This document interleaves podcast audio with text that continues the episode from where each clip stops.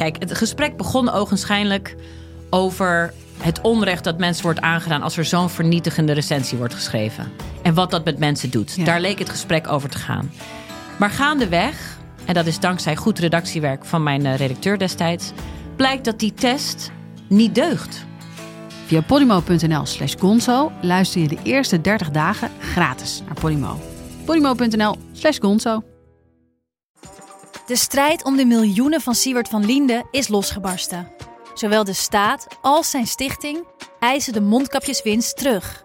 Maar dat die opbrengst in ieder geval niet thuis hoort bij Van Liende, daarover kan toch eigenlijk geen twijfel bestaan. Hoe kon het zo ver komen? Dit is het. We hebben beet. En als Siewert het geld teruggeeft, kunnen wij dit schandaal dan eindelijk loslaten? Je hoort het in de Mondkapjesmiljonairs, exclusief bij Podimo. Ga naar podimo.nl slash mondkapjes.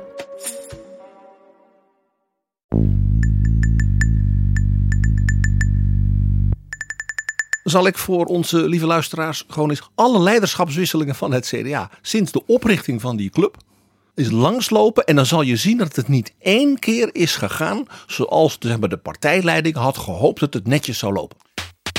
Politiek is een spijkerhard vak zonder mededogen. Dit is Betrouwbare Bronnen met Jaap Jansen.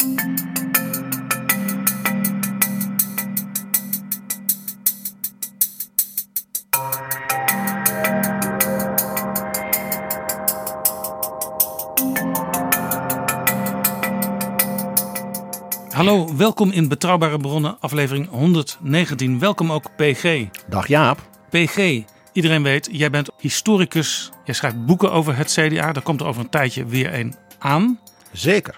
En heel veel mensen, in ieder geval ik, die hebben vraagtekens bij wat ze de afgelopen week gezien hebben. Het plotselinge vertrek van Wopke Hoekstra, waarvan, Oh, hij velen, blijft hoor, hij blijft gewoon minister. waarvan velen toch dachten, die zal wel de lijsttrekker worden. En de komst van Hugo de Jonge, minder verrassend dat die het uiteindelijk gaat doen, nu Wopke Hoekstra geen kandidaat is. Jij kan ons daar vast van alles over vertellen. Als historicus. Jaap Jansen en Pieter Gerrit Kroeger duiken in de politieke geschiedenis. Het is altijd gedoe in het CDA, is een van jouw stellingen. Ja, eh, zal ik voor onze lieve luisteraars gewoon eens alle leiderschapswisselingen van het CDA sinds de oprichting van die club, sterker nog voor de oprichting van die club, is langslopen. En dan zal je zien dat het niet één keer is gegaan zoals de, partijleiding had gehoopt dat het netjes zou lopen. We houden dus nog even de spanning over wat we de afgelopen week hebben gezien erin. We gaan eerst even diep in de geschiedenis van het CDA. Partij die ineens ontstond ergens in de jaren 70. En ik doe dat niet om de luisteraar af te leiden als cliffhanger. Maar omdat wat er nu gaande is en wat er zal gaan gebeuren, volgens mijn inschatting, alles te maken heeft dus met die historie. En dat het misschien ook niet zo uitzonderlijk is wat we nu zien. Het uitzonderlijke zou zijn geweest als het dus nu helemaal glad was gegaan. Helemaal zoals het partijbestuur zeg maar, gehoopt had, gedacht had, voorbereid had.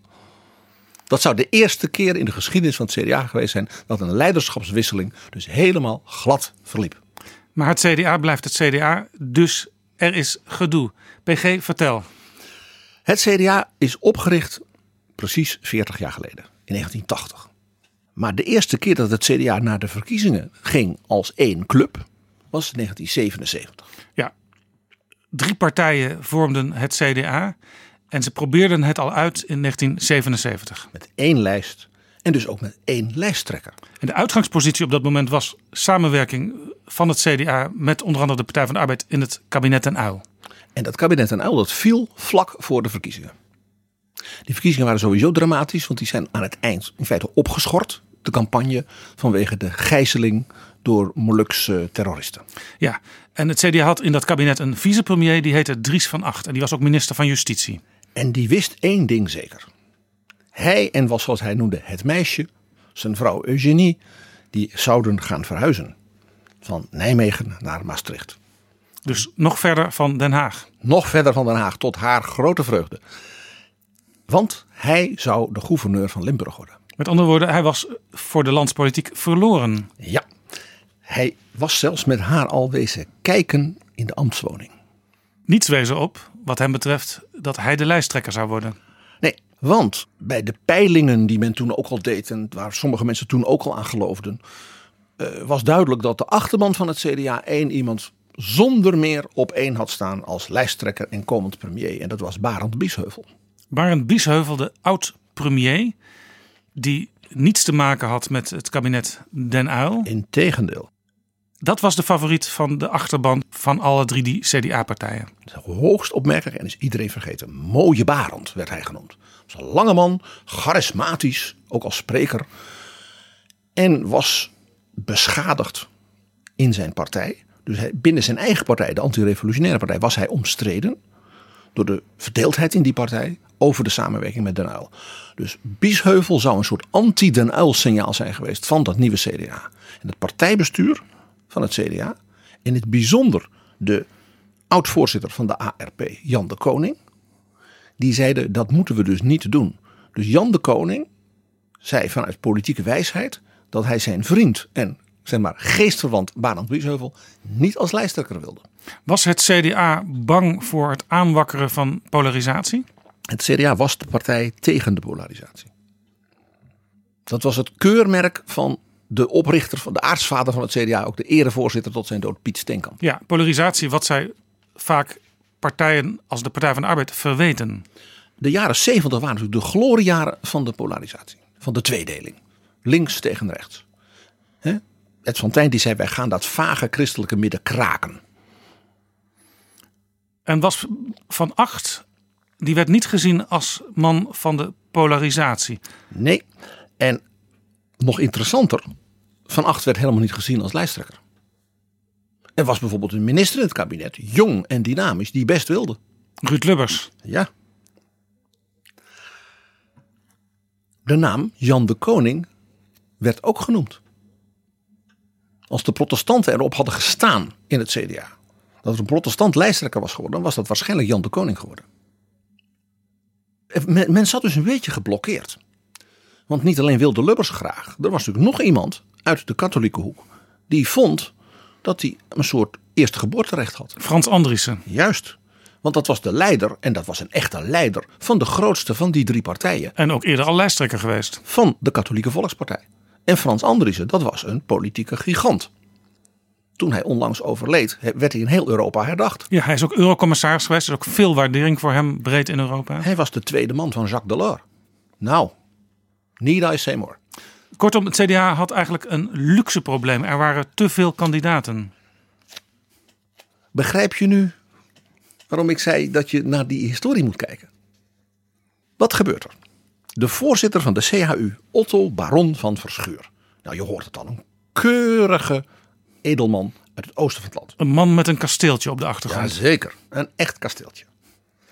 En die zei, ik ben de voorzitter van de Christelijke Historische Unie. Wij doen niet mee aan dat kabinet Den Uyl. Ja, want dat is een detail van de geschiedenis wat, ik ga bijna jou citeren PG, wat bijna niemand meer weet. Het CDA werd dus opgericht uit drie partijen, maar één van die drie, de Christelijke Historische Unie, die voerde samen met Hans Wiegel van de VVD oppositie tegen het kabinet Den Uyl, waar die andere twee CDA-partijen, de KVP en de AR, aan deelnamen. En vandaar die opmerking van Ed van Tijn als PvdA-stratege. We gaan dat vage christelijke midden kraken. De PvdA en de VVD waren allebei dolgelukkig dat het gelukt was dus die drie partijen uit elkaar te spelen. En desalniettemin lukte het Piet Steenkamp dus tot er één partij en zelfs één lijst van te maken. En die man van het kasteeltje, Otto Baron van Verschuur, die Maakte ging een- dus maakte een hele bijzondere beweging. Die zei, ik zit niet met mijn club in dat kabinet Den Uyl. Maar de vicepremier van dat kabinet Uyl, Dries van Acht, wordt in mijn wat meer bevindelijk christelijke protestante achterban. Wat is bevindelijk? Dat zijn dus niet refo's, geen SGP'ers, maar mensen die hun geloof heel serieus nemen. Maar in de samenleving ja, nuttig willen zijn. De CAU was de partij van Johan van Hulst. Een onderwijsman, een verzetsheld. Mensen die dus vanuit hun geloof ook voor principes staan, maar ook ruimdenkend zijn. Een hele bijzondere En- groep mensen. En deze Otto van Verschuur was zo ruimdenkend dat hij vanuit de oppositie toch ging meehelpen dat CDA een succes te maken. Ja, hij was heel erg voor die, die samenwerking. Heel erg voor. En zei, ik ben bereid met mijn zeg, be- wat ik zeg, bevindelijk protestante achterban... de vicepremier van het kabinet Den Uyl dat wij niet steunen... lijsttrekker van het CDA te maken. Het is nog een katholiek ook. Dries van Acht. En waarom? Dries van Acht is een man van grote politieke zuiverheid. Die staat voor de rechtsstaat. Die staat voor belangrijke ethische waarden. En die wordt dus in onze achterban, juist onze achterban, enorm gewaardeerd. Uit voor velen onverwachte hoek een onverwachte oplossing. En nu was het punt natuurlijk Wilde van Acht, want die was al op weg naar Maastricht. Die wilde helemaal niet. En mevrouw van Achtel nog minder. Ja. Hij zei tegen mij, wij zagen het bronsgroen eikenhout al voor ons. Ja, je zal als eens eh, van acht zulke dingen kan zeggen. Dus de, de wijze waarop Van Acht vaak over politiek sprak, wat ook wel een beetje als een poseurpositie werd gezien, hè? heel veel afstand nemen van dat Haagse gedoe, dat was ook wel een beetje de waarheid voor Dries. Dries, op een rare manier sprak hij altijd de waarheid. En daarom dat hij zo verrassend was en in Den Haag zelden begrepen werd. Dries van Acht leek dus een beetje op Harry Truman. Give him hell, Harry. I'll tell them the truth and they will think it is hell. In die zin is dus Dries inderdaad zeer onhaags. Zeer onhaags. Dus hij wou niet. Dus toen heeft Piet Steenkamp, de voorzitter van het CDA, zijn nuclear option gebruikt. Want dat moet je dan als partijvoorzitter. Jij hoort ook hier weer iets voor Ja, en de, de lessen van vandaag. en Piet Steenkamp, Steenkamp dat was, die was zowel de, de vader als de moeder van het CDA in één. Dat was een man die echt heel veel ook sociale vaardigheden had om mensen bijeen te brengen. Zelfs mensen die tot op het bot verdeeld waren over, noem, ik noem maar iets, principes. Ja. Zoiets als principes waar andere partijen niet aan doen. Dat wou je eigenlijk zeggen, hè? Ja. Piet Steenkamp die gebruikte de nuclear option. Madeleine. Madeleine Leijten de Wijkersloot de Weerdestein. Ook iemand met een kasteeltje op de achtergrond. En Madeleine was zo machtig dat ze nooit minister heeft willen worden. Want dan moest ze inleveren. Zij zat altijd in het CDA-bestuur in die tijd. KVP-bestuur en CDA-bestuur. En Piet Steenkamp noemde haar tegenover mij ooit een vrouw zo markant als koningin Wilhelmina. Met andere woorden, je moet er ook een beetje bang voor zijn. Eh, zeker. Een power pitch. Zoals dat heet. En hij heeft dus met Van Acht gepraat. Samen met Madeleine. En Van Acht ging door de knieën. Was één gesprek genoeg. Nee, de, eh, Madeleine had nooit twee gesprekken nodig. Je hebt van die mensen. Moeders wil is wet. Trouwens, Oh, prachtig. een KRO-programma destijds. Ja, nou, ook katholiek. Dus Dries werd lijsttrekker. Dus gedoe.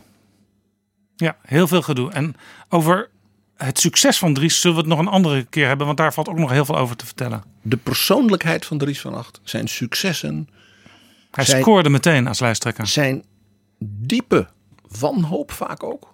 Zijn vrolijkheid, zijn in Nederland bijna niet genoteerde sublieme internationale carrière na zijn premierschap.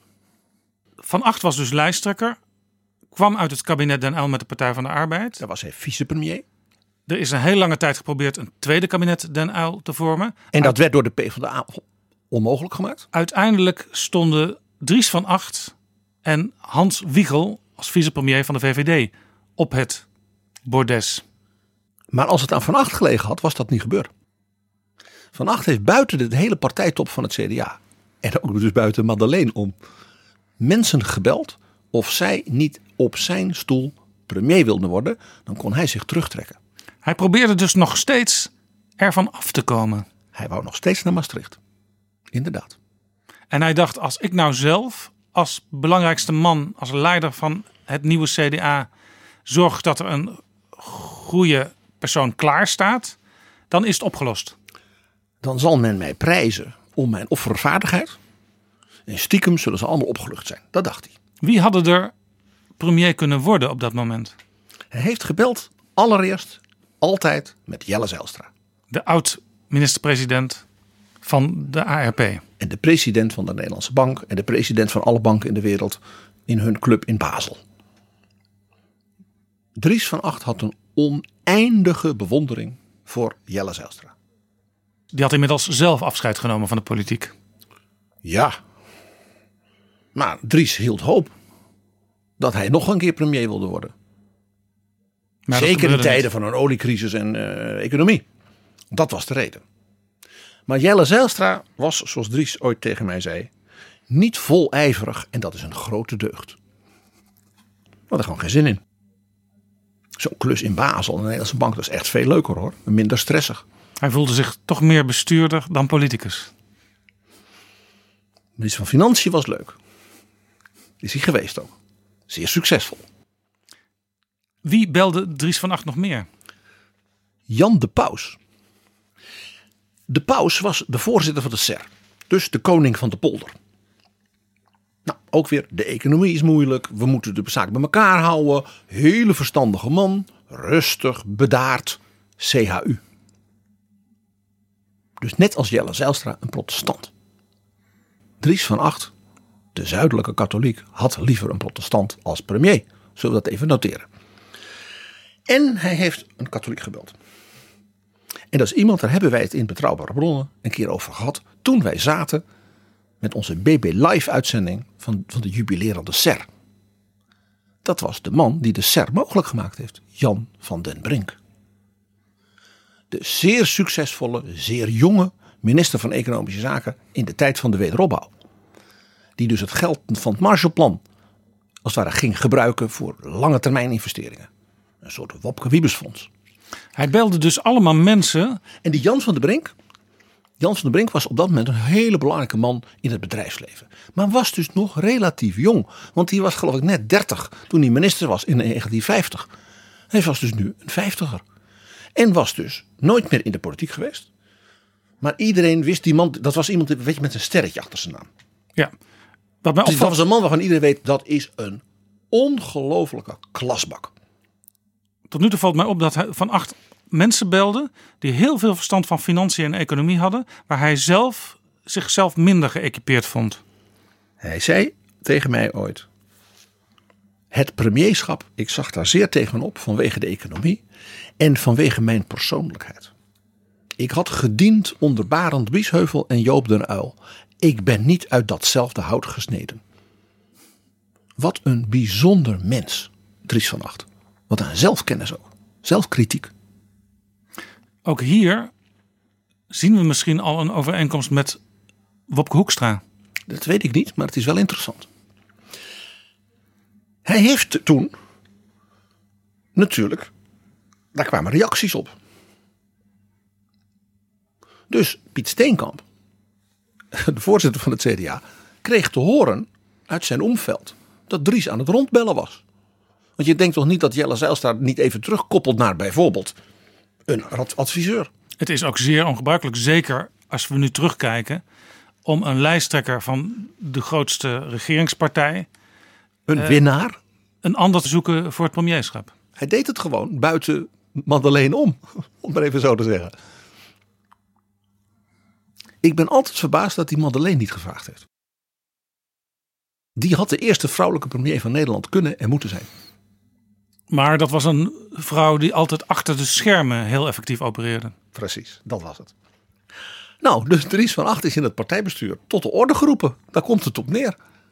En toen zeiden ze, is dat waar? Ja, zei Dries. En ik heb ook Jan van der Brink gebeld. Nou, in dat partijbestuur. Jij kunt je ongeveer indenken hoe dat was. De rapen waren gaar. Dries van Acht heeft toen niet gezwicht. Want je weet, hij was koppig. En het is uiteindelijk de informateur van den Grinte geweest. Die samen met Hans Wiegel, dus de- zijn onderhandelingspartner van de VVD, hem hebben omgepraat. Hans Wiegel heeft verteld dat Dries vertelde dat hij dus grote aarzelingen had. En de informateur zei: Ja, dat is, dat is niet, ik vind dat niet kunnen. U bent naar de kiezer gegaan, heeft hem heel hard toegesproken, dat was een hoogleraar staatsrecht. En Hans Wiegel zei: Dries, jij gaat het zelf doen. Sterker nog, we gaan het samen doen. Wiegel zei: Ik heb toen besloten niet fractieleider te blijven, maar vicepremier. En hij gaf dus ook aan richting Dries van Acht. Ik ben bereid heel veel last van jouw schouders te nemen. En ik straal hiermee uit dat de VVD jou vertrouwt als premier. De latere anekdote die is hier opgestoeld van Wiegel. Dat er vaak op vrijdag ministerraad was. En dat de ministers dan omhoog keken, want ze hoorden gestommel boven in het katshuis. Want Dries was aan het opstaan en die zou even later ook gaan deelnemen aan de kabinetsvergadering. Dries van Acht was een nachtdier. Zo taai als een reptiel. Zoals hij dat zelf zei. Nou, Jaap, je hoort me lachen. Ik, ik, ik heb dat altijd als ik aan Dries van Acht denk. Een, een mengeling van verbazing en grote affectie. Tot de dag van vandaag. En dan hebben we dus, je ziet al, het begint met perikelen. Gedoe. Verbazing. Eigenaardige karakter, karakteristieken. Merkwaardige mensen. Het CDA. Nou, Dries is dan, heeft dan drie kabinetten geleid. Diepe, diepe economische crisis. Kruisraketten, koude oorlog. Eh, de macht van de mullahs in Iran met de gijzeling. Een zeer, zeer heftige tijd. Ja, en in 1982 is hij voor de derde keer lijsttrekker. En toen heeft hij tegen het partijbestuur gezegd: Ik wil niet meer. En uh, want ik ben op. En Eugenie, ik wil niet meer. Allemaal hele menselijke overwegingen. Het heeft partijbestuur, partijvoorzitter Bukman, heeft hem toen overtuigd dat hij het toch nog moest doen. Maar dat hij dan zeg maar na een jaar zich kon terugtrekken. Hij was zo populair, ze wilden hem ook om die reden graag nog houden. Precies. En ze hebben hem met een argument kunnen overtuigen dat heel CDA is. Je moet je verantwoorden naar de kiezer voor je beleid. Ja, dus eigenlijk vaak zien we lijsttrekkers als gericht op de toekomst. Maar het is natuurlijk ook verantwoorden voor wat je de afgelopen periode gedaan hebt. Zeker als je geregeerd hebt. Ja, en je neemt je verantwoordelijkheid is natuurlijk een van die klassieke CDA-begrippen. Nou, dus Dries van Acht zei vooruit dan maar. En bij die verkiezingen haalden CDA en VVD samen een ruime meerderheid. Met name dankzij de winst van de VVD onder leiding van Ed Nijpels. Ooit te gast in Betrouwbare Bronnen. Ja, want Hans Wiegel was even kort daarvoor zelf al vertrokken. Ja. En Dries van Acht dacht, nou, dan komt er dus een vierde kabinet van Acht. Met de VVD. Dus iedereen dacht, Dries van Acht is blij. Want dan heeft hij weer zo'n kabinet zoals met Wiegel. Daar kon hij goed mee opschieten. En tot ieders verbazing zei Dries van Acht ineens: Ik stop. En toen heeft hij geprobeerd zijn opvolging te regelen. Want ik zei het is altijd gedoe. Want er was voor hem maar één kandidaat. En het was niet fractieleider Ruud Lubbers. Oud-collega van hem in het kabinet. Dat was een andere oud-collega in het kabinet. Jan de Koning. De wijze Jan de Koning, je hebt er al vaak over verteld. De man die alles kon. En die altijd op het juiste moment de juiste raad gaf. En op het juiste moment toesloeg. Het was ook een heel besluitvaardige man. Hij kon dus heel geduldig zijn. En ineens, boem. En hij kon ook met een milde blik uh, de vreselijkste dingen aankondigen. En hij was fameus om zijn boerengrappen. Dan zeg ik in het Europees Parlement, dat had hij ook in gezeten. De Nederlandse boer hangt weer aan de achterste tiet. En dan willen die tolken dat niet vertalen. Een Heel- klassieker van Heel begrijpelijk van die tolken. Maar Dries van Acht, die dacht dus nog wel, ik ga het CDA niet zomaar achterlaten. Ik wil zelf iemand naar voren schuiven. En ik wil het CDA in de beste, meest vertrouwde handen achterlaten. En in het CDA was op dat moment al iemand heel erg in opkomst, een aantal jaren. En dat was Ruud Lubbers. Die was fractieleider. En informateur. En En die voor velen ook de gedoodverfde toekomstige leider. Ruud Lubbers had op dat moment besloten dat als Van Acht met zijn kabinet, vierde kabinet, met Nijpels zou aantreden, dat hij of minister van Buitenlandse Zaken zou worden, of de politiek zou verlaten. Want hij zei, ik ben tien jaar nu in de politiek geweest. Minister, fractieleider, wat al niet. Ik ga terug naar mijn bedrijf. Hollandia Kloos. Dus wij hadden in die zomer van 1982 het vierde kabinet van achter gehad. En het vertrek van Ruud Lubbers uit de politiek. Ja, dan zou de Nederlandse politieke geschiedenis heel anders verlopen zijn. Ja, en dan zouden we dus zeg maar in 1983 premier de koning hebben gehad. Maar de koning werd het niet, het werd Lubbers. Hoe is dat gelopen? Omdat Jan de Koning de mededeling kreeg in Kopenhagen. Hij was daar bij de Europese landbouwtop, want hij was minister. Want je weet, hij is van ongeveer alles minister geweest. En bij ongeveer elk ministerie waar hij dus gediend heeft, staat er een soort standbeeld voor Jan de Koning voor de deur. Ja, ontwikkelingssamenwerking heeft hij gedaan. Sociale zaken, Sociale zaken. Antillen, interim minister op allerlei posten. Een tienkamper, weet je wel, zo iemand die alles kon. Ja, en hij was dus op een internationale landbouwvergadering. Met de collega's. En eh, de Denen waren voorzitter van de Europese Unie. En hij wordt dus gebeld door de partijvoorzitter. En de partijvoorzitter, Piet Bukman, dat was zijn leerling. Die kwam uit dezelfde boerenclub van het gereformeerde Ja, platteland. dus een zeer goede verstandhouding. Zeer goed. En die zegt, Dries, stop ermee. En Dries wil jou. Maar Jan de Koning de onsterfelijke woorden sp- sprak. Oh nee hoor, ik niet. Jan de Koning was een man van weinig woorden. Ik niet. Dr- Dries wil dat wel, maar ik niet. dus toen zei hij, ja, ik vlieg morgen terug. Dus toen hebben ze een vergadering belegd op het partijbureau. Met dus de partijtop. Waar Jan de Koning bij kon zijn. Want hij was net hij teruggekeerd. als minister. En hij was natuurlijk de wijze goeroe van de partij. Dus daar zat Lubbers, daar zat Van Acht. Daar zat natuurlijk de partijvoorzitter Bukman, de partijsecretaris. Daar zat Ries Smits. Madeleine Leijten de Werkersloten Weerdenstein. Madeleine was erbij. En de jongste aanwezige was de beoogd fractieleider bij dat kabinet van 8-4. En dat was Wim Deetman. Nu begrijp je waarom ik de details van die bijeenkomst zo goed weet. Zeker. Dat heeft hij mij diezelfde middag nog verteld. Want wat gebeurt er? Piet Bukman vertelt, Dries stopt ermee. En wij kunnen hem alleen maar bedanken en met groot respect dat besluit aanvaarden. En hij heeft prachtige woorden gesproken over wat de Dries allemaal had betekend voor het land en voor het CDA. En Dries was toen van plan daar natuurlijk op te antwoorden. En Zo. hij heeft mij later verteld dat hij een briefje in zijn zakje van zijn pak had. Met een verklaring dat hij Jan de Koning dus voordroeg als zijn opvolger. Maar voordat Dries het woord kreeg, stak Jan de Koning die grote boerenhand op. Die hij had. Dat was echt zo'n boerenzoon, qua uiterlijk ook. En die zei, voorzitter, mag ik als de oudste hier aanwezige, want dat was hij, het woord tot Dries richten.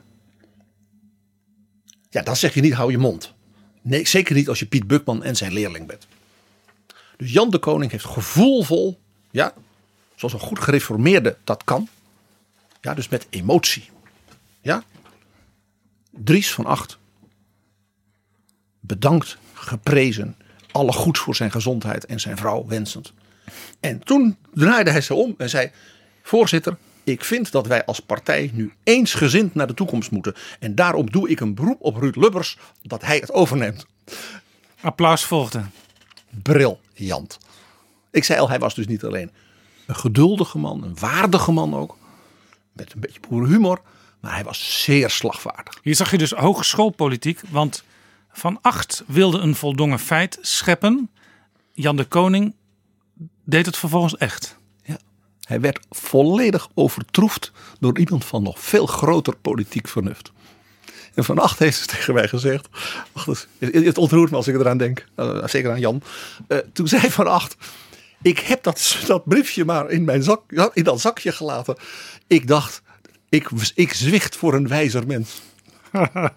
Alleen Van Acht kon dat soort dingen zo, ook zo prachtig formuleren. Ik zwicht voor een wijzer mens.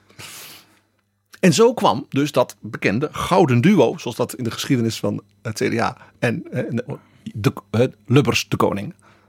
Want de koning was hiermee natuurlijk ook de kingmaker, zoals dat heet. Ja, ze zijn ook samen eh, kabinetsinformateur geweest. Daarvoor al. En Ja. eh, het is ook bekend dat Lubbers, zolang Jan de Koning in zijn buurt was, zeer succesvol opereerde. En dat het misging toen Jan de Koning in het laatste jaar van Lubbers inmiddels de politiek had verlaten. Ja, Dat heeft Ruud Lubbers zelfs persoonlijk on the record tegen mij gezegd. Je zou kunnen zeggen dat het mij, mi- met mij misging toen Jan wegging. Dat is een van de meest tragische korte zinnen die ik ooit heb mogen opschrijven. Ja, zullen we nu een flink aantal jaren verder gaan? Ja, want Ruud Lubbers die bleef en bleef en bleef. Ja, en hij gaf een interview aan mij en Arendo Joustra in Elsevier in 1989, Volgens mij voor de kerst. het kerstnummer.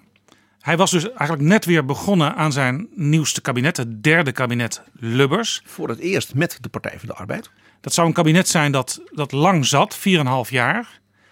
Eh, en met die kerst, het kabinet was dus net aangetreden, zei Lubbers in Elsevier, wij konden eigenlijk onze oren niet geloven, Arendo Joustra en ik. Dit is mijn laatste kabinet, Elko Brinkman is mijn opvolger. En Elko Brinkman zei tegen mij: Ik wist van niets. Ik kon geen kans meer op. Hij zet alles wat ik deed naliet te doen. Zij, niet zij. Het werd vanaf dat moment geïnterpreteerd als: Oh, dat doet hij omdat hij aan de poten van Ruud Lubbers aan het zagen is, want hij wil zelf nu het overnemen. Ja. En hij zette: Ik was daar helemaal niet, letterlijk helemaal niet mee bezig. Ik was net een maand fractieleider, wat ik nog nooit geweest was. Toen hij vond dat het kabinet wat treuzelde, zei hij in een speech op een van de Waddeneilanden: Het speelkwartier is voorbij. En iedereen zag dat als een keiharde aanval, een mes in de rug van Ruud Lubbers. Wat het niet was. Ruud Lubbers had die speech goedgekeurd. Maar zo gaat dat dus. Als je iemand te vroeg aanwijst, dan kan die nieuwe persoon er schade van hebben. En de gaande persoon ook. Zeker als je nog jaren door moet. Je zegt het. Nou, jij weet dat liep uit op een drama. Zoals je dat kent uit Shakespeare. Een koningsdrama. Juist. En Brinkman werd uiteindelijk wel de lijsttrekker. Ja, Maar dat werd geen electoraal succes. nee. En wat gebeurt er? Dus hoop, hoop gedoe. En het partijbestuur heeft toen Brinkman eigenlijk met geweld afgezet. Na die verkiezingen. En de fractie heeft toen Eneas Heerma, de vader van de huidige fractieleider, gekozen tot fractieleider.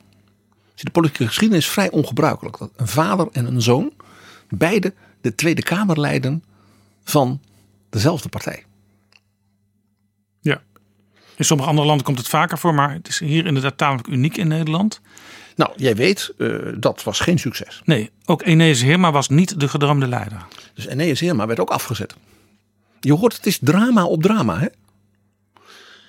En toen koos de fractie, halverwege Paars 1, het CDA zat dus voor het eerst in de oppositie in de geschiedenis, Jaap de Hoop Scheffer tot fractieleider. Ja, later een zeer gewaardeerd secretaris-generaal van de NAVO. Want hij En een van de absolute toppers van kwam dit ook land. uit de Kamerfractie en uit zijn leven daarvoor als eh buitenlanddeskundige, diplomaat. Hij was CDA en de politiek secretaris van Max van der Stoel, de PvdA-minister van Buitenlandse Zaken. Nou, dat zegt iets hoe hoog hij dus werd ingeschat. Maar als fractieleider kwam die niet echt van de grond. Ja, misschien niet uit de verf. Omdat het CDA gewoon niet kon oppositie voeren. En het was ook een heel ongebruikelijk beeld, zo'n nieuwe paarse coalitie. En helemaal het CDA in de oppositie. Want het CDA zat altijd in de regering. En de Paarse kabinetten waren gewoon de kabinetten Lubbers 4 en 5. Dus je keek naar het beleid. Ik bedoel, ja, winkel op zondag, nou geweldig. Ja. Verder, economisch, eh, buitenland, eh, Europa, de echte grote dingen. Ja. ja, dus jouw samenvatting hiervan eigenlijk is... het CDA moest oppositie voeren tegen het eigen beleid. Ja. Zo was het. Ja, dat is, dat is hopeloos. Nou, je weet waar dat toe leidde. De hoop Scheffer zou in 2002 voor de tweede keer de lijsttrekker van het CDA zijn. En ook nu weer gedoe. Episch gedoe, mag ik wel zeggen. Op de ochtend van 11 september 2001. Onthoud die datum vertelt de partijvoorzitter van het CDA tegen de lijsttrekker van het CDA: Jij gaat niet die lijst trekken. Ik zoek een ander. En ik ben ook bereid om het zelf te gaan doen. Die partijvoorzitter heette Marnix van Rij. Ja. Dus de partijvoorzitter zette op die ochtend de lijsttrekker af. Want hij dacht dat hij een meerderheid van steun zou hebben in het partijbestuur voor zichzelf. Hoogspel. Ja. Die middag gebeurden er andere dingen in de wereld. En het CDA had dus zichzelf in een soort doodsnood gestort. Want jij zei al, het was 11 september en dat vertalen wij in Amerika naar 9-11. Ja. De aanslag op de Twin Towers. Nou, jij weet, dat leidde er uiteindelijk toe dat zowel de hoop Scheffer als partijvoorzitter Van Rij ten val kwamen. En de fractie van het CDA in ja, armoede, de nummer drie van de lijst, de financiële woordvoerder, een hoogleraar aan de VU, Jan-Peter Balkenende, tot fractievoorzitter koos. En toen heeft dus het partijbestuur diezelfde avond gezegd: ja, we gaan nu geen lijsttrekkersverkiezing doen. Want dan heb je nog meer gedoe in die partij. Dan gaat misschien Van Rij het toch weer proberen. Of, ja. Dus het partijbestuur heeft toen laat op die avond Jan-Peter Balkenende ook meteen lijsttrekker aan. Ja, een soort bezweringsformule. Laten we dit nou maar doen, want anders is niet te overzien wat er nog meer kan gebeuren. En zo is het gegaan. Niemand kende Jan-Peter Balkenende. Zijn moeder in Zeeland, maar verder niemand. En, zo- jij weet, niet lang daarna was hij de minister-president. Ja, want hij was een aantal malen zeer succesvol bij verkiezingen. Ja. Het is een van de meest wonderlijke verhalen in de politieke geschiedenis van dit land. De loopbaan van Jan-Peter Balkenende. En er kwam een einde aan die loopbaan van Jan-Peter Balkenende na een aantal zeer succesvolle jaren als minister-president. Bijna tien jaar is hij minister-president geweest. Wie moest hem opvolgen? Jan-Peter Balkenende.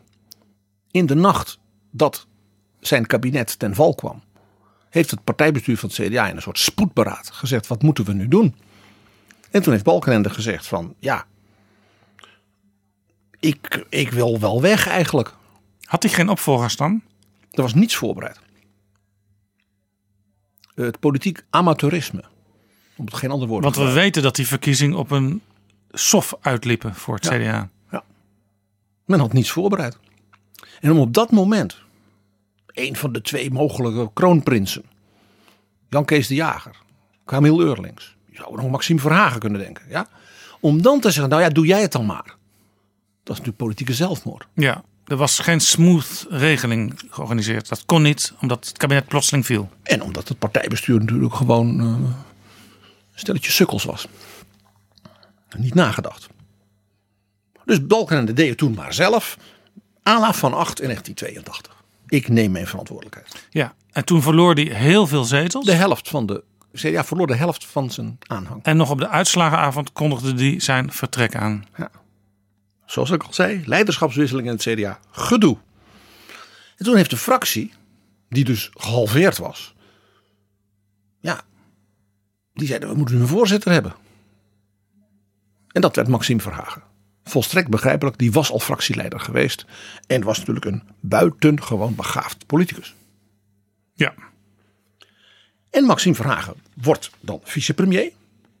En meldt dan na een jaar dat hij bij de volgende verkiezingen niet beschikbaar is als lijsttrekker. En vlak daarna valt dat kabinet van Rutte en Verhagen. En het CDA zat dus zonder leider. Ik zei het al, het is elke keer gedoe. En toen hebben ze een leiderschapsverkiezing georganiseerd in 2012. En die werd gewonnen met 50,1% van de stemmen. Al in de eerste ronde door Sibrand Buma. ja. en recent hebben we natuurlijk meegemaakt. Hij ging naar Leeuwarden om burgemeester te worden. Nadat hij wel in betrouwbare bronnen was geweest. Hij werd opgevolgd uiteraard door een nieuwe fractievoorzitter, Pieter Heerma. De zoon van Eneas Heerma. Die meteen erbij zei, ik heb geen ambitie om de partij uiteindelijk als lijsttrekker te gaan aanvoeren. En toen ontstond eigenlijk een, een stadhouderloos tijdperk. Want in het kabinet was natuurlijk een vicepremier, Hugo de Jonge. Er waren nog andere talentvollen. Ik noem een Wopke Hoekstra.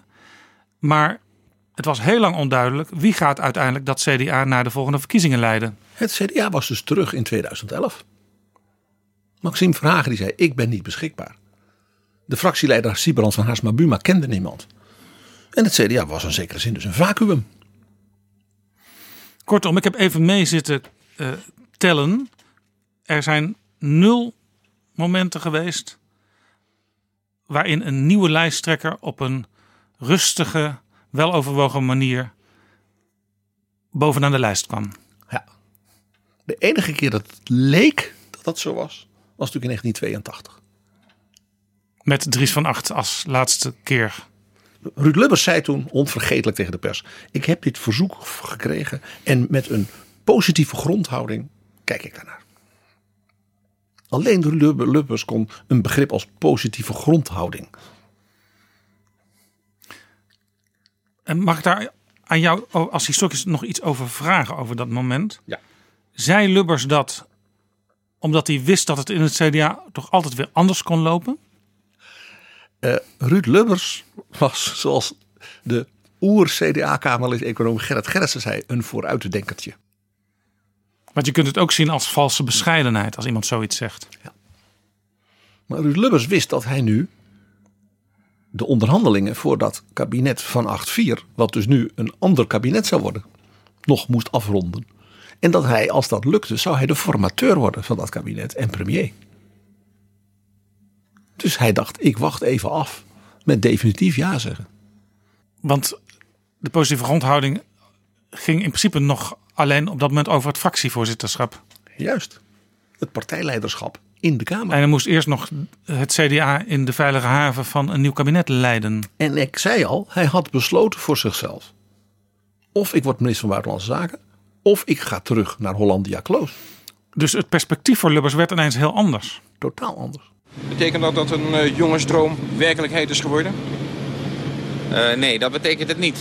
Ik heb uh, natuurlijk vele jongensdromen gehad, maar niet dit. Het is meer een uh, onverwachte ontwikkeling door het terugtreden van de heer Van Acht... die, die zich nu ineens aandient. Maar het komt heel veel vaker voor dat er grilligheden in het leven zitten. Als u de nauwelijks premiers naloopt, dan soms vanzelfsprekendheden... maar soms is ook iemand daar plotseling voor gesteld. En we weten dat hij toen 12 jaar in de meeste jaren zeer succesvol premier werd. Hij heeft toen bij Jan de Koning thuis een gesprek gevoerd met Jan de Koning en Molly de Koning, de vrouw van Jan de Koning. En dat was een geweldige vrouw. En dat was echt een, een duo, Jan en Mol. Hij noemde haar altijd Mol. En Ruud was een beetje natuurlijk hun zoon. En toen hebben ze dus met elkaar gepraat. En Molly de Koning wilde absoluut niet dat Jan opnieuw minister werd vanwege zijn gezondheid. Zij was altijd bezorgd om zijn hart. Dat was een kettingroker. En toen heeft Ruud gezegd, nou ja, we gaan het samen doen.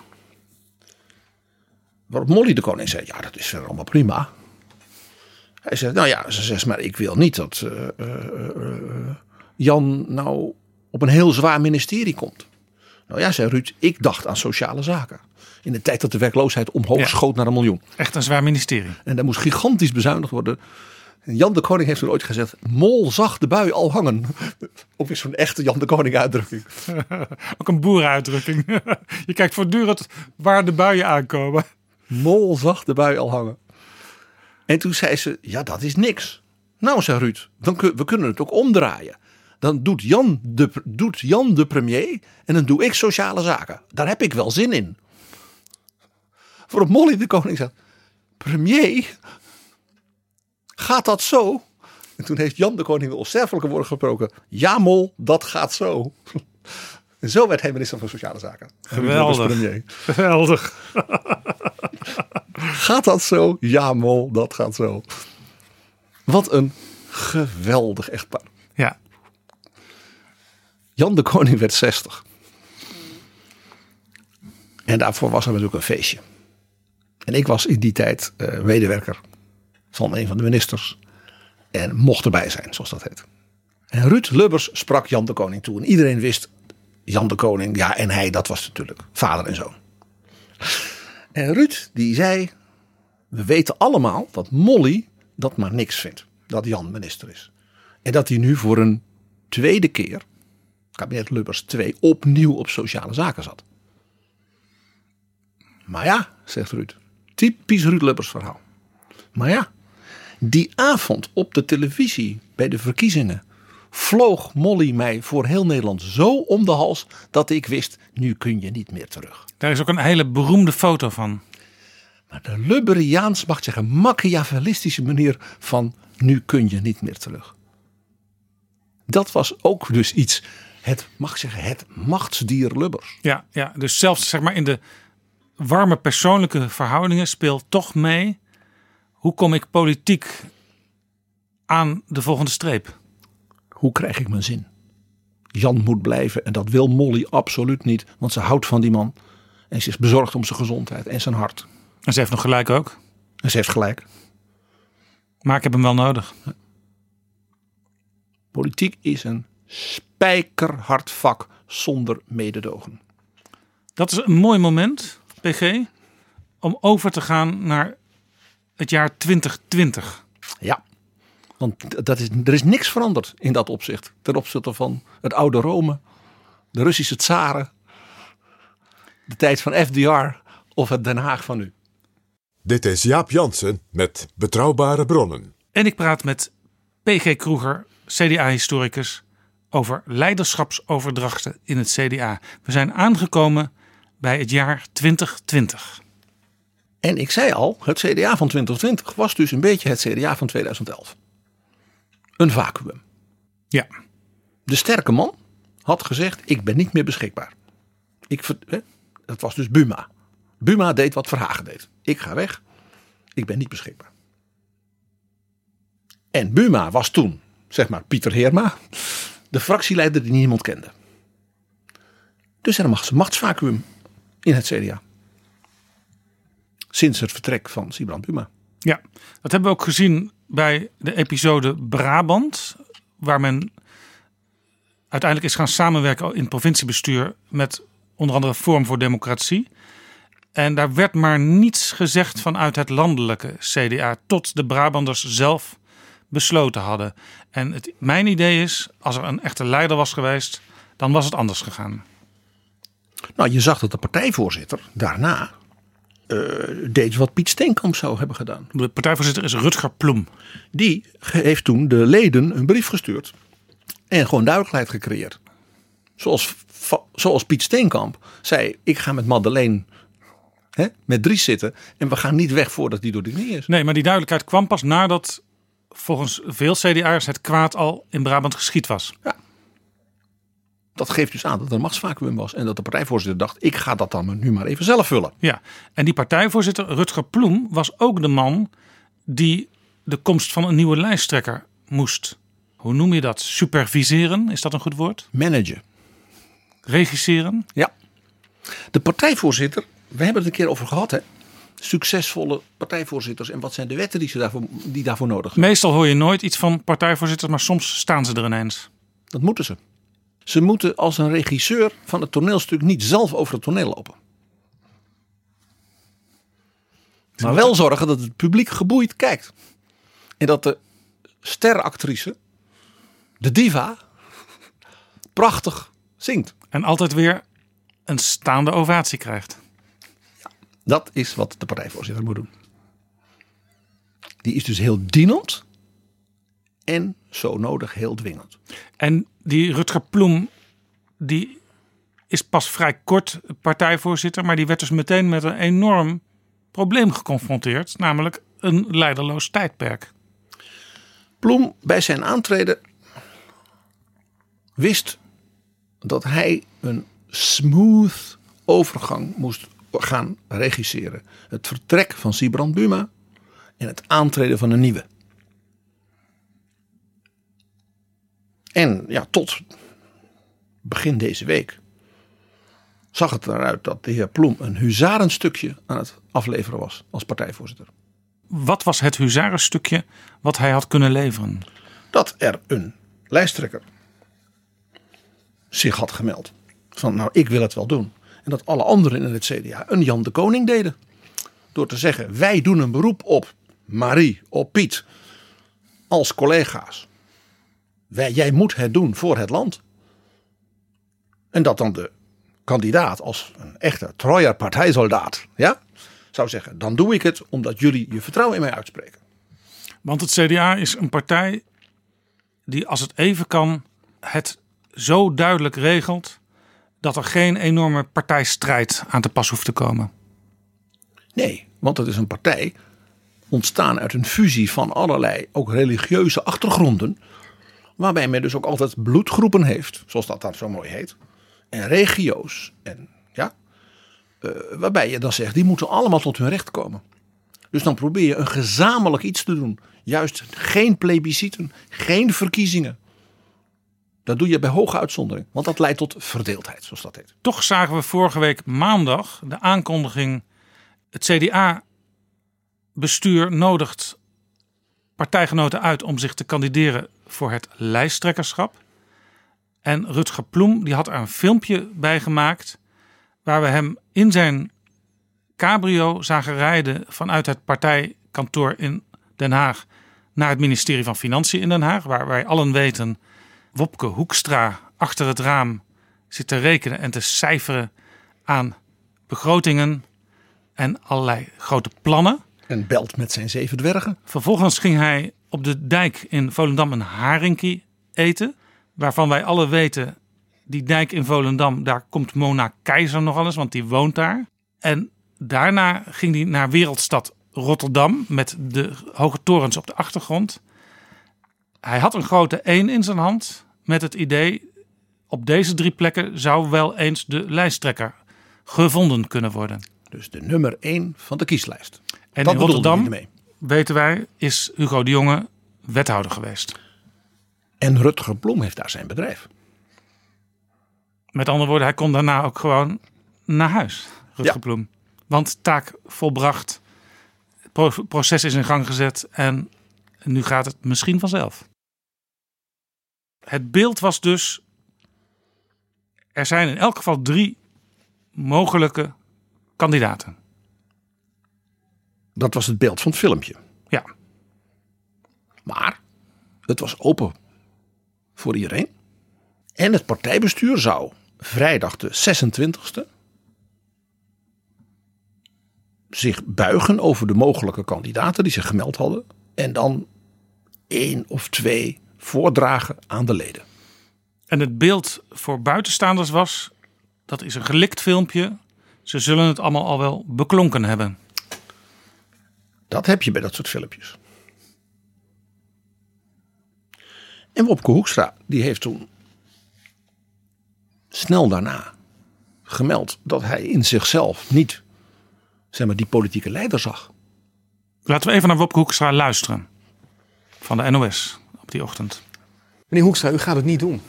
Klopt. Waarom niet?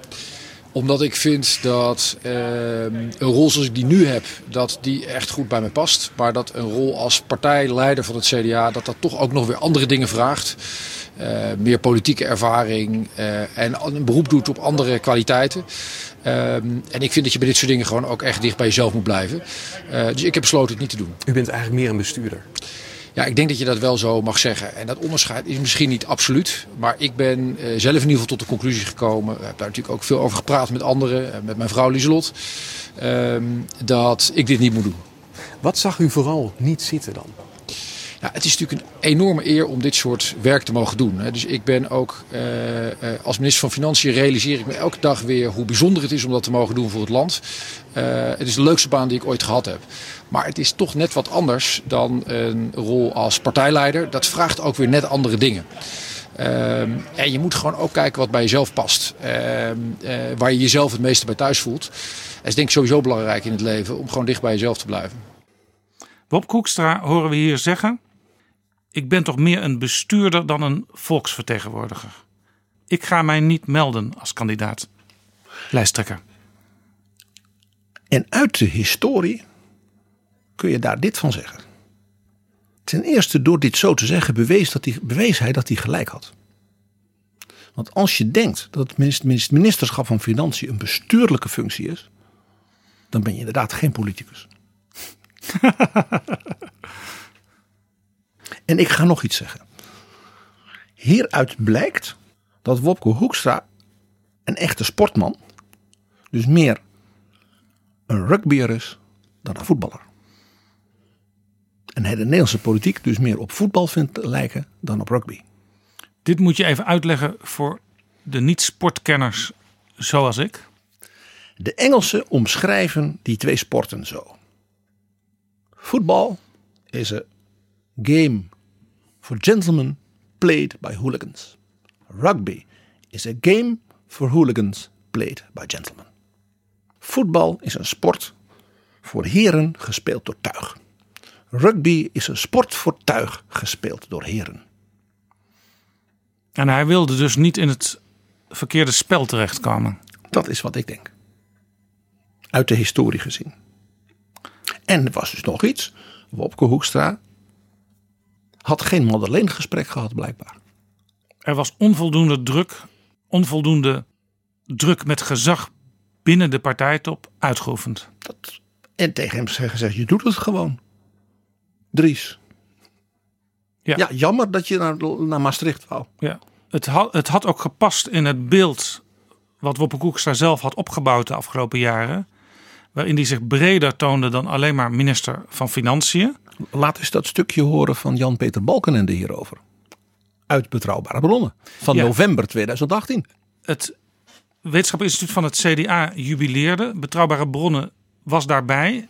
Onder jouw leiding, PG, was er een gesprek tussen Wopke Hoekstra en Jan-Peter Balkenende. Wopke Hoekstra zat breed uit te vertellen over hoe hij de wereld zag. En Jan-Peter Balkenende was daar heel enthousiast over. En in de zaal dachten mensen: hey, hier zit iemand die door de oude premier hoogelijk wordt gewaardeerd. Misschien is dat wel een teken. Laten we even luisteren. Waar die, waar, die, waar die lezing over ging en wat ik daar natuurlijk tot uitdrukking heb geprobeerd te brengen, is precies dit. Is precies het enorme belang van eh, het ook opkomen voor de samenleving. Het opkomen voor de rechtsstaat als die onder druk staat. Het opkomen voor groepen die het, eh, die het lastig hebben eh, in de samenleving. Ja, en vanzelfsprekend eh, ging, bij, de- bij deze lezing ging het dan ook over de eh, geschiedenis van het Joodse volk in Nederland. Maar het is natuurlijk een thema wat voor ons allemaal veel breder van belang is. Ik, ik zie jou kijken dat je denkt van... hé, hey, ik, ik had dit verhaal ook kunnen houden.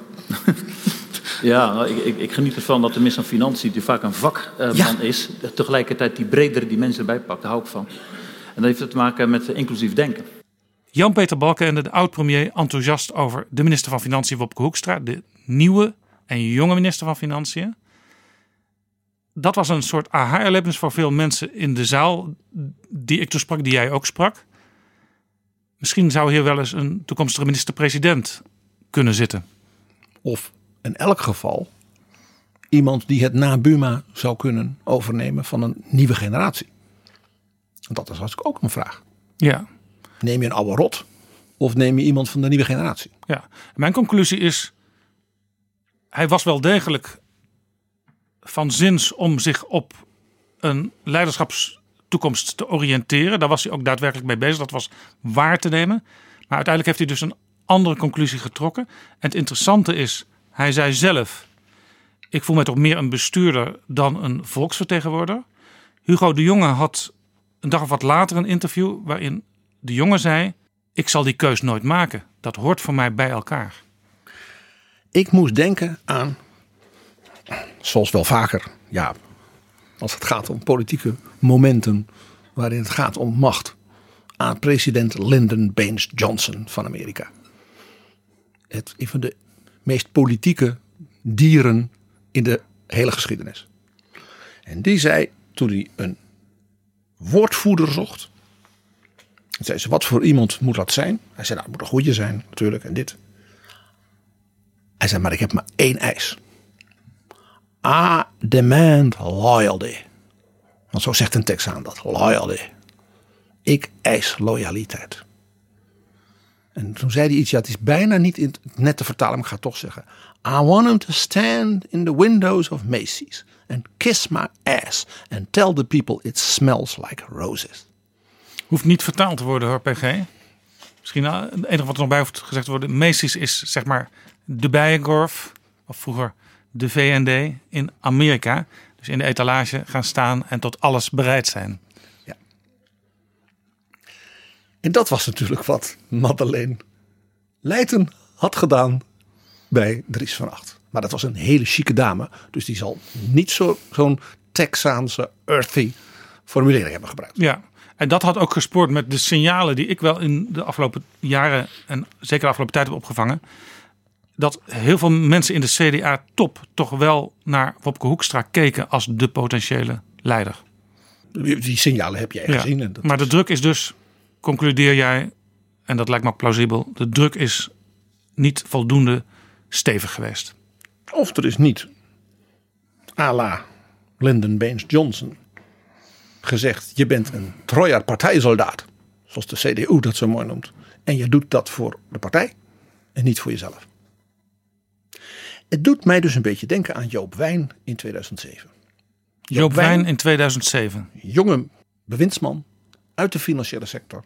Eerst staatssecretaris, korte tijd ook nog minister. En die werd gevraagd door de hele fractie van de Tweede Kamer, van het CDA en de partijtop, om fractieleider te worden. En toen is hij opgestapt, want dat wilde hij niet. Hij wou minister blijven.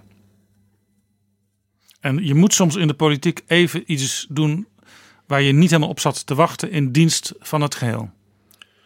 En misschien ook wel in dienst van je eigen carrière op termijn. Dries van Acht wilde naar Maastricht. Hij was al de gordijnen wezen opmeten, zal ik maar zeggen. Hoe anders was de Nederlandse politiek geweest?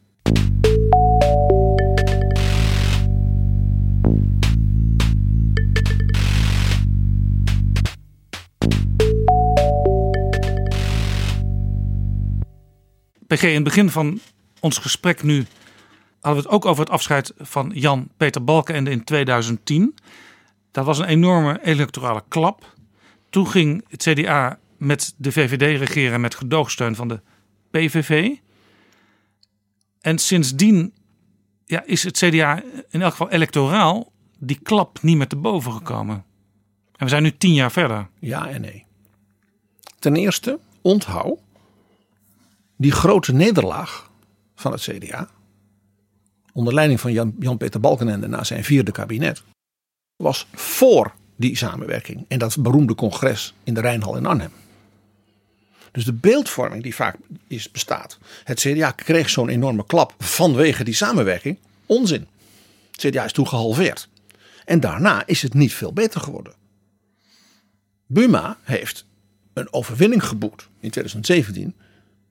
Want hij steeg naar 19 zetels. En dat is twee minder dan Balkenende op Ja. zijn dieptepunt. Ja. Het resultaat van Balkenende in 2010 had dus niets te maken met de gedoogconstructie. Want die bestond helemaal niet. Nee, en die gedoogconstructie heeft er misschien wel toe bijgedragen dat er daarna eigenlijk geen echt electoraal succes meer is geweest. Maar dat weet je niet. Nee, maar jij bent historicus, dus je kijkt in ieder geval niet vooruit, zullen we maar zeggen. Ja. En in de historie heeft het CDA nu een aantal verkiezingen achter elkaar die historisch laag geëindigd zijn. En mijn verklaring is dus een andere. Zowel in 2010 met die klap van Balkenende. Als de twee verkiezingen van Buma. Die niet zo mooie uitslag. Had een andere reden. En dat was het CDA was een van zijn meest fundamentele zeg maar, DNA-eigenschappen kwijt. Het CDA was de partij van het safe pair of hands. Aan die mensen kon je het land overlaten. Stabiliteit. Fatsoen. Goede bestuurders. Rustig, nuchter. Jan de Koning, toch echt beter voor het land dan Jan Pronk. Beetje Geen saai, don't rock the boat. Geen, geen drammers. Laat Lubbers zijn karwei afmaken. Die Niet te mensen doen een karwei. Niet te veel plotselinge veranderingen. Antipolarisatie. En Balkenende had dus vier kabinetten geleid. Alle vier voortijdig gestrand. En Balkenende was op. Dus het CDA bood geen safe pair of hands meer. En na die samenwerking, Rutte-Verhagen, was dat beeldmerk natuurlijk bevestigd geraakt. Want ook dat kabinet viel weer eerder en het was een zootje. Ja, en zeker ook een zootje in het CDA zelf. En onder Rutte 2 zat het CDA in de oppositie. En net als met Paars 1 en Paars 2, daar was het CDA dus niet zo goed in. En het kon dus dat safe pair of hands niet meer uitstralen. Dus dat is wat mij betreft de analyse. Pas sinds 2017 het derde kabinet Rutte, waarin het CDA weer met een aantal belangrijke ministers meedoet, is eh, de mogelijkheid aanwezig om dat safe pair of hands weer te gaan uitstralen. En je ziet dat de partijleiding van 2017, dus met name ook partijvoorzitter Rut Peetoom, ooit te gast bij haar afscheid in Betrouwbare Bronnen, ook heel bewust de lijst van zeg maar, bewindslieden daarop heeft afgesteld. Vert Grapperhaus, Ank Bijleveld, wethouder Hugo de Jonge uit Rotterdam, een bewezen politicus en bestuurder van grote Ja. terreinen. En uit, uit dat lijstje nieuwe bewindslieden komt nu ook hoogstwaarschijnlijk de lijsttrekker. Ja, mevrouw Peetoom en natuurlijk Sibrand Buma als lijsttrekker. Die dus niet in, de, in het kabinet ging zitten. Die hebben dus gezegd, wij moeten, als we dat stuk DNA van het CDA, heel zichtbaar opnieuw etaleren. Dit is Betrouwbare Bronnen. Zullen we even kijken naar Hugo de Jonge? Want dat is toch wel, denk ik, de kandidaat die het nu zal worden. Het CDA staat in een lange traditie van bereid zijn verantwoordelijkheid te dragen als het moeilijk is. En in die traditie ben ik ook grootgebracht. Uh, en daarom wil ik graag de lijsttrekker zijn van het CDA. Waarom zou het CDA nou u moeten kiezen? Ik denk dat ik ervaring heb in het nemen van verantwoordelijkheid uh, in moeilijke situaties. Ik heb ervaring in Rotterdam, in deze prachtige stad waar we nu zijn. Uh, ik heb ervaring voor de klas. ik heb ervaring in het landsbestuur. En dat is waar ik uh, gelukkig van word. Als ik de mogelijkheid heb, de verantwoordelijkheid dan kan dragen om het verschil te maken in het leven van mensen die op je rekenen. Uh, dat is wat ik mooi vind om te mogen doen. Die verantwoordelijkheid neem ik graag. Uh, en dat is de reden dat ik me graag kandidaat stel als lijsttrekker voor het CDA. Wie is Hugo de Jonge en waarom is hij een geschikte lijsttrekker? Hugo de Jonge heeft een heel mooi profiel. Hij is onderwijzer. In arme buurten in de stad Rotterdam. De Millingsbuurt, daar heeft hij les gegeven. En hij werd als onderwijzer, dus bestuurlijk een beetje actief in het CDA in die grote stad. Nou, dat is zoals in alle grote steden is het CDA daar niet heel groot en machtig en sterk vergrijsd. Dus een leuke jonge onderwijzer, die is graag gezien bij de leden. En hij was geïnteresseerd in onderwijsbeleid. Niet zo gek. En werd zo de assistent van Marja van Bijsterveld op het ministerie van Onderwijs. Ja, Marja van Bijsterveld, CDA-minister van Onderwijs. En dat is zijn leermeester. En je kunt slechter hebben. En Marja van Bijsterveld is iemand die diep in de haarvaten van het CDA actief is. Iedereen in het CDA die congressen bezoekt, uh, die andere dingen doet in het CDA, die kent haar. En zij kent meestal die mensen ook nog van haar kant. En ze zijn allemaal dol op Maria. Een hele bijzondere eigenschap voor een politicus dat je geen vijanden hebt. Dus een betere leermeester zou je bijna niet kunnen hebben. Uh, misschien, ja, misschien is het wel leuk, want ik kan dat wel zeggen. Maar kunnen we dat Hugo niet beter zelf laten zeggen? In betrouwbare bronnen. Ja, daar heb ik, heb ik ook veel van geleerd. Zij is een hele atypische uh, politicus eigenlijk. Hè? Dus zij, ik denk dat ik later in mijn wethouderschap heel erg ben gaan doen eigenlijk wat zij heel erg van nature had. Namelijk uh, heel erg die samenwerking aangaan over de partijgrenzen heen. Het was wel eens uh, bijvoorbeeld hadden wij haar stevig voorbereid natuurlijk voor een debat. Uh, en van, van, van snode politieke adviezen voorzien. maar dan kwam er een, een motie van de SP en dan ging ze die hartstochtelijk staan omarmen. En dan zei ik tegen haar, waarom doe je dat nou? Je bent, je bent de SP helemaal niets verplicht. Uh, de laatste keer dat ik iets van enthousiasme hoorde vanuit de SP voor jouw beleid, dat is ook al een tijd terug. Dus waarom doe je dat nou? Dat, zo zat ik toen in de wedstrijd. En toen zei ze, ah joh, uh, zij de parfum bij de geur. Uh, het was toch gewoon een goed voorstel. En daar heb ik ontzettend veel van geleerd. Dat je samenwerkt over de partijgrenzen heen. En dat je, uh, dat je een idee op zijn inhoudelijke merites beoordeelt. En daarvan denkt, ja, dit is, dit is gewoon iets goeds. En, en werkte het toen ook zo dat zij dan later wel iets terugkreeg van de SP? Nou, het werkt wel zo dat, kijk, uiteindelijk, politici zijn echt gewoon mensen. Namelijk, als je mensen graag mag, ben je geneigd om, om liever met elkaar samen te werken, toch? Dat, dat, zo werkt het in de gewone mensenwereld ook. En zo werkt het ook in de politieke wereld natuurlijk. En dus daar heb ik veel van geleerd. En ik, uh, ja, ik vind haar fantastisch. Ja, ze is uh, zeer gedreven, zeer gedreven. En wat zij ook heel mooi had, vond ik altijd als je als zij werd aangesproken door iemand die in de knel zat, iemand die ja, uh, ergens met zijn vingers tussen de deur was geraakt, ergens tussen de radar aan bekneld was geraakt. Ja, dan gaf ze niet op. Hè. Dan was ze altijd, ja, daar ging ze echt, daar ging ze voor door het vuur. En dat vind ik ook mooi. Ja, ja hoewel het soms lastig kan zijn hè, vanuit de politiek. één individueel geval Heel ja, maar je moet het wel doen. Steunen. Je moet het wel doen. Uh, zo aanspreekbaar moet je absoluut willen zijn. En uh, dat is ook een stijl die ik mijn eigen heb gemaakt, omdat ik dat ook noodzakelijk vind om op die manier aanspreekbaar te zijn. Dus in die zin is Marja ook echt een voorbeeld. we horen dus die band die, die, die spreekt hier uit. En het wordt nog grappiger. Hugo de Jonge werd wethouder in Rotterdam. Onderwijs, gezondheidszorg. En kon dus het vak ook op die manier leren. Een wethouderschap in Rotterdam kun je vergelijken met een ministerschap, want het is een grote wereldstad. En zeker als het gaat om onderwijs en gezondheidszorg is het een stad met gigantische ook problemen en kansen.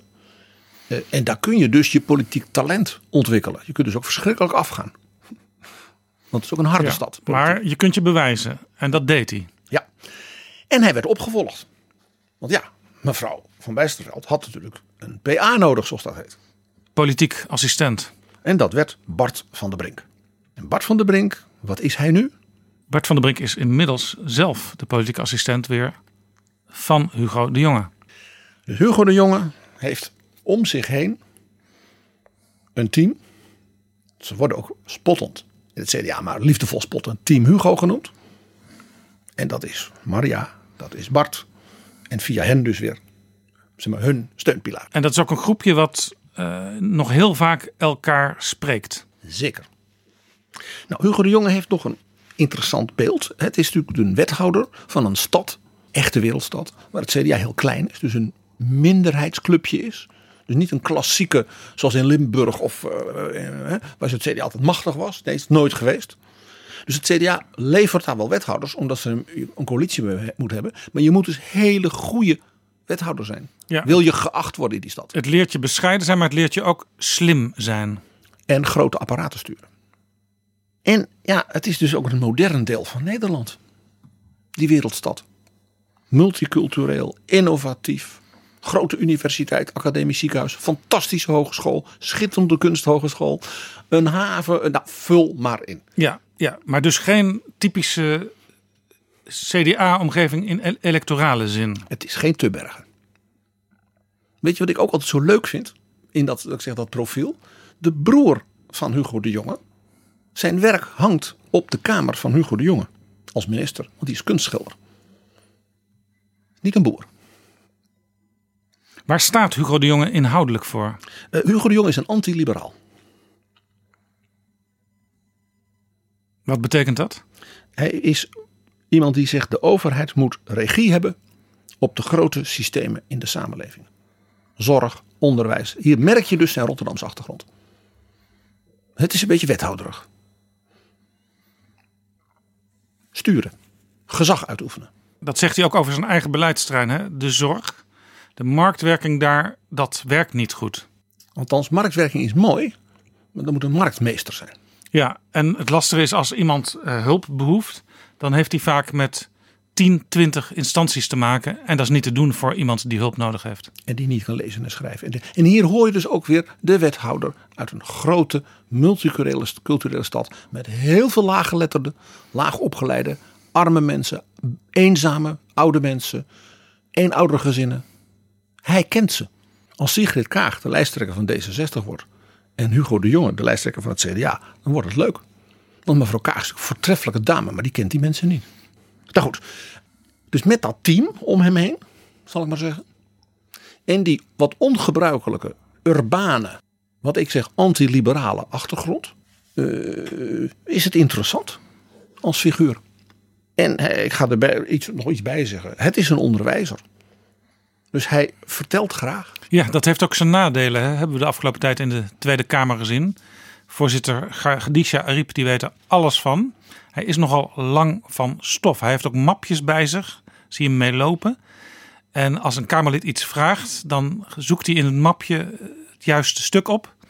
En dan begint het. Dan zijn we zo 25 minuten verder. Dan geef ik nu het woord aan de minister van Volksgezondheid, die altijd kort en bondig is. Zo is dat, voorzitter. En misschien moet u mij vandaag nog een beetje coachen, zoals de heer Bosma dat altijd doet, als bondigheidscoach. Eh, voorzitter, ik begin met eh, de blokjesindeling waarin ik mijn vragen wil gaan eh, beantwoorden. Eh, ik begin straks eerst met de landelijke coördinatie, daarna met de bedden. Een onderwijzer die graag vertelt. Maar dus ook lief voor de kinderen is. Ja, hij en soms streng. En tegen de ouders soms zegt van zou je dat dit niet eens een beetje beter het huiswerk organiseren. Hij heeft misschien ook een nadeel als ik hem toch even mag verstouten, PG. Dat mag. Hij lijkt in sommige opzichten wel een beetje op Mark Rutte. Namelijk, het is een positivo, Hugo de Jonge. En het is een fixer. Is er een probleem, dan wil hij dat zo snel mogelijk uit de weg ruimen. En Mark Rutte staat ook voor de klas. En als mensen nou na tien jaar premierschap Mark Rutte daar een beetje genoeg van hebben, dan is het maar de vraag of ze iemand die daar een beetje op lijkt, daarvoor in de plaats willen zetten.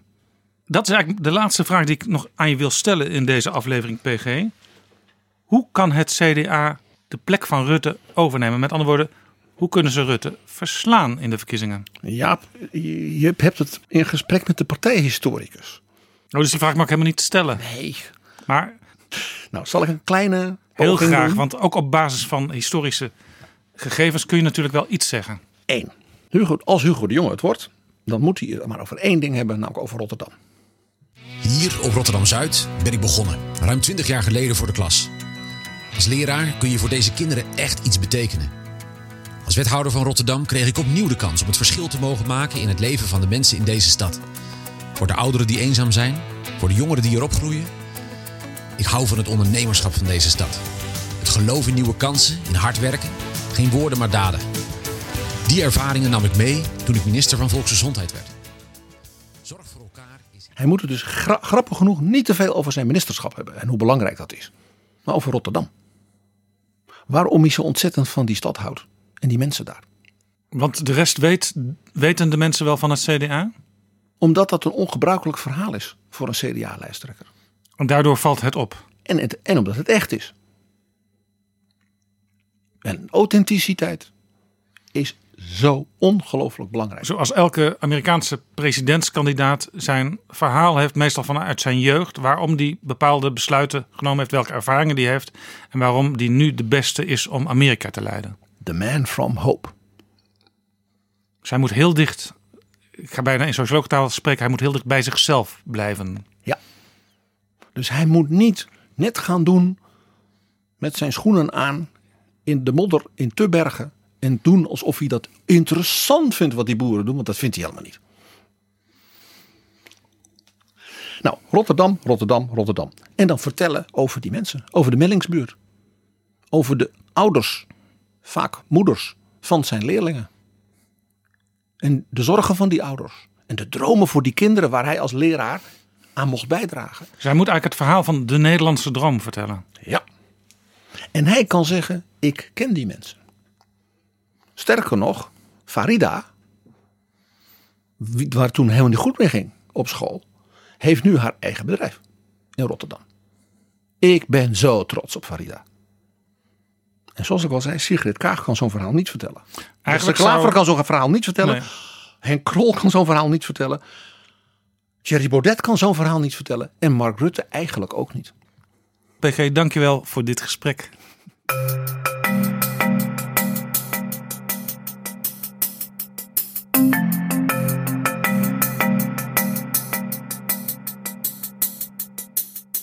Zo, dit was Betrouwbare Bronnen, aflevering 119. Deze aflevering is mede mogelijk gemaakt door We Nederland en door donaties van luisteraars. Wil je Betrouwbare Bronnen mede mogelijk maken? Ga dan naar vriendvandeshow.nl/slash bb. Daar kun je ook reageren op deze en andere afleveringen. Overweeg je Betrouwbare Bronnen te sponsoren of in deze podcast te adverteren? Stuur dan een mailtje aan Flip Kilian Adams. Dat is flipapenstaart dagennacht.nl. Tot de volgende keer. Betrouwbare bronnen wordt gemaakt door Jaap Jansen in samenwerking met dag en nacht.nl.